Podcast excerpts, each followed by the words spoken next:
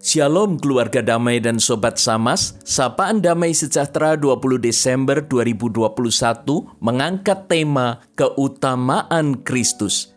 Mari kita membuka hati dengan berdoa, memohon pimpinan roh kudus dalam merenungkan firman-Nya. Bapa, ketika kami diperhadapkan dengan hal-hal yang menyangkal keilahian Kristus, atau bahkan menganggap Kristus lebih rendah dari yang lain, maka kami mau belajar tentang firman yang engkau tanamkan kepada jemaat Kolose melalui Paulus. Kiranya Roh Kudus menolong kami untuk memahami dan menyikapi firman Allah. Dalam Kristus kami memohon. Amin. Sobat Samas dan keluarga damai, bacaan hari ini diambil dari surat Kolose 1 ayat 15 hingga 20. Ia adalah gambar Allah yang tidak kelihatan, yang sulung, lebih utama dari segala yang diciptakan. Karena di dalam dialah telah diciptakan segala sesuatu yang ada di sorga dan yang ada di bumi, yang kelihatan dan yang tidak kelihatan, baik singgasana maupun kerajaan, baik pemerintah maupun penguasa.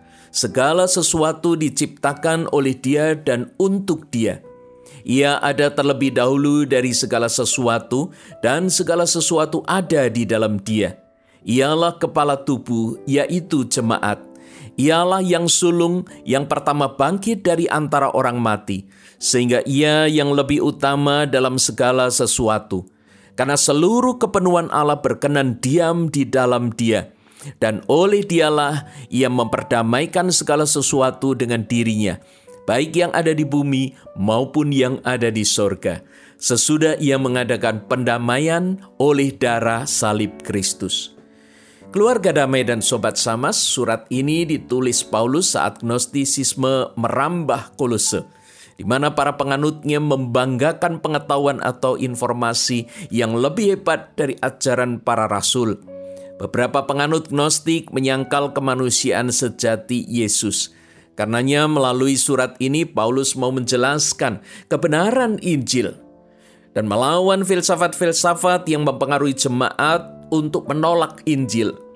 Paulus menekankan bahwa Yesus adalah Tuan Kurios atas semesta alam ini, dan Ia juga Tuan Kurios atas gereja. Paulus menekankan keutamaan Kristus karena tidak semua orang Kristen benar-benar mengerti bahwa Kristus melingkupi semuanya, sehingga masih banyak yang beranggapan bahwa Kristus bukanlah Tuhan seutuhnya Kristus hanya manusia ilahi. Pemimpin Arianisme yaitu Arius menolak keilahian Kristus dan berpandangan bahwa Kristus hanyalah ciptaan Allah dan bukan Allah. Arianisme adalah doktrin kristologi non-trinitarian yang berpendirian bahwa Yesus Kristus adalah putra Allah yang diperanakan Allah Bapa dan berbeda dari Allah Bapa sehingga lebih rendah daripada Allah, dan bahwa Putra Allah juga adalah Allah Putra, tetapi tidak sama kekalnya dengan Allah Bapa. Ajaran dan pandangan ini terus berkembang dan disebarluaskan oleh pengikut Arianisme.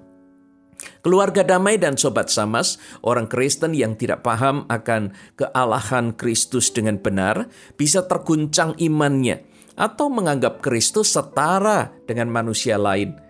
Lebih parah lagi ketika ada yang menganggap bahwa manusia lain ada yang lebih tinggi dari Kristus. Dan untuk memahami keutamaan Kristus, mari kita mempelajari dua hal, yaitu tentang keberadaan Kristus dan peran Kristus. Mari kita belajar tentang keberadaan Kristus. Yang harus kita pahami adalah yang pertama, Kristus itu merupakan gambar Allah yang tidak kelihatan. Yang sulung lebih utama dari segala yang diciptakan. Kristus sudah ada bersama-sama dengan Allah sebelum semuanya ada di ayat 17. Di dalam dialah telah diciptakan segala sesuatu, termasuk semua kuasa di sorga dan di bumi, yang kelihatan maupun tidak kelihatan. Ini ada di ayat 16. Segala sesuatu yang ada di dalam dia, melalui dia, dan untuk dia. Ia telah menopang semuanya itu. Sesuatu yang baru ada kemudian mestinya tidak bisa menyangkal keberadaan sesuatu yang sudah ada sebelumnya. Apalagi kemudian membuat cerita versi baru tentang sesuatu yang sudah ada tadi. Sangat menggelikan sekali tentunya.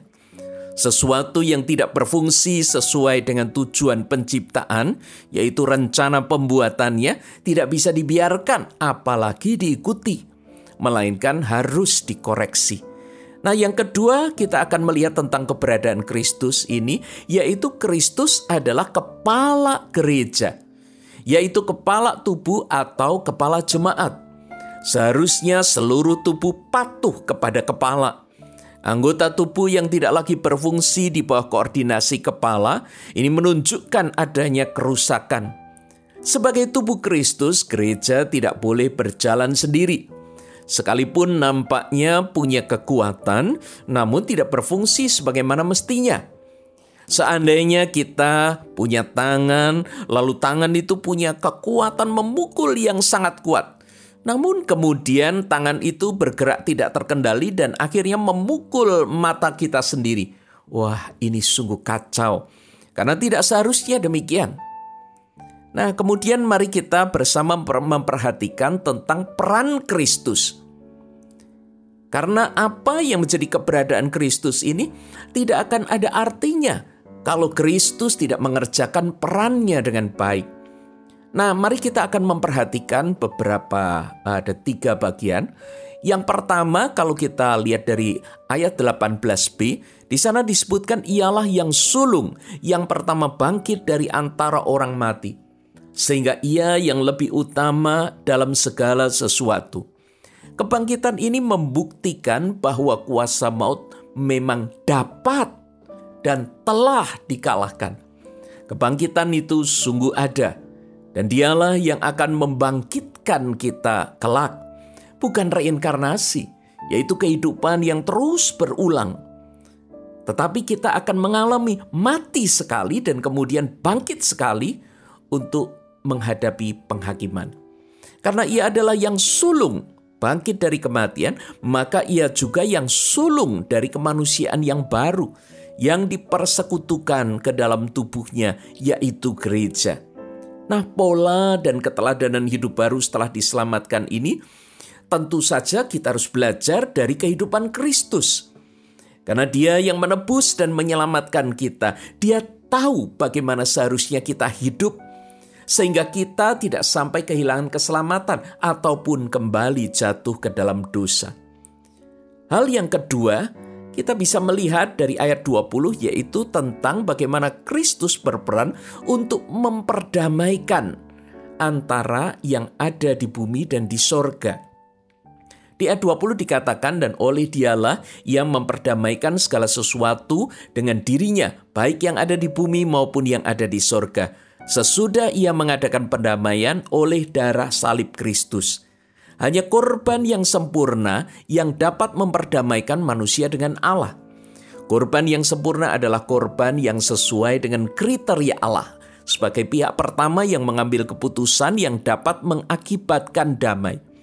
Kristus adalah imam sekaligus korban yang sempurna dan dia berkenan untuk memperdamaikan yang ada di bumi dan di sorga. Betapa sayangnya jika manusia tidak menerima dan mengikuti perdamaian ini, karena tidak ada lagi yang dapat memperdamaikannya dengan Allah. Maka manusia akan mengalami penghukuman selama-lamanya. Ya, hal yang ketiga, Kristus sebagai kepala gereja. Kristus tidak membiarkan umatnya tercerai berai dalam menjalani hidup setelah diselamatkan. Kristus menjadi kepala gereja dan mengarahkan tubuh Kristus untuk menjalankan misinya di dunia ini. Tanpa kepemimpinan Kristus, kita akan kehilangan arah atau terjebak dalam ambisi pribadi. Karena misi gereja harus sesuai dengan misi Kristus, yang adalah misi Allah, yaitu memberitakan kasih dan karya keselamatan Allah. Gereja yang mengikuti Sang Kepala akan menjawab tantangan zaman Gereja yang tidak egosentris, namun peduli dengan pergumulan masyarakat. Gereja yang menjadi tangan Kristus yang siap menolong dan merawat sesama.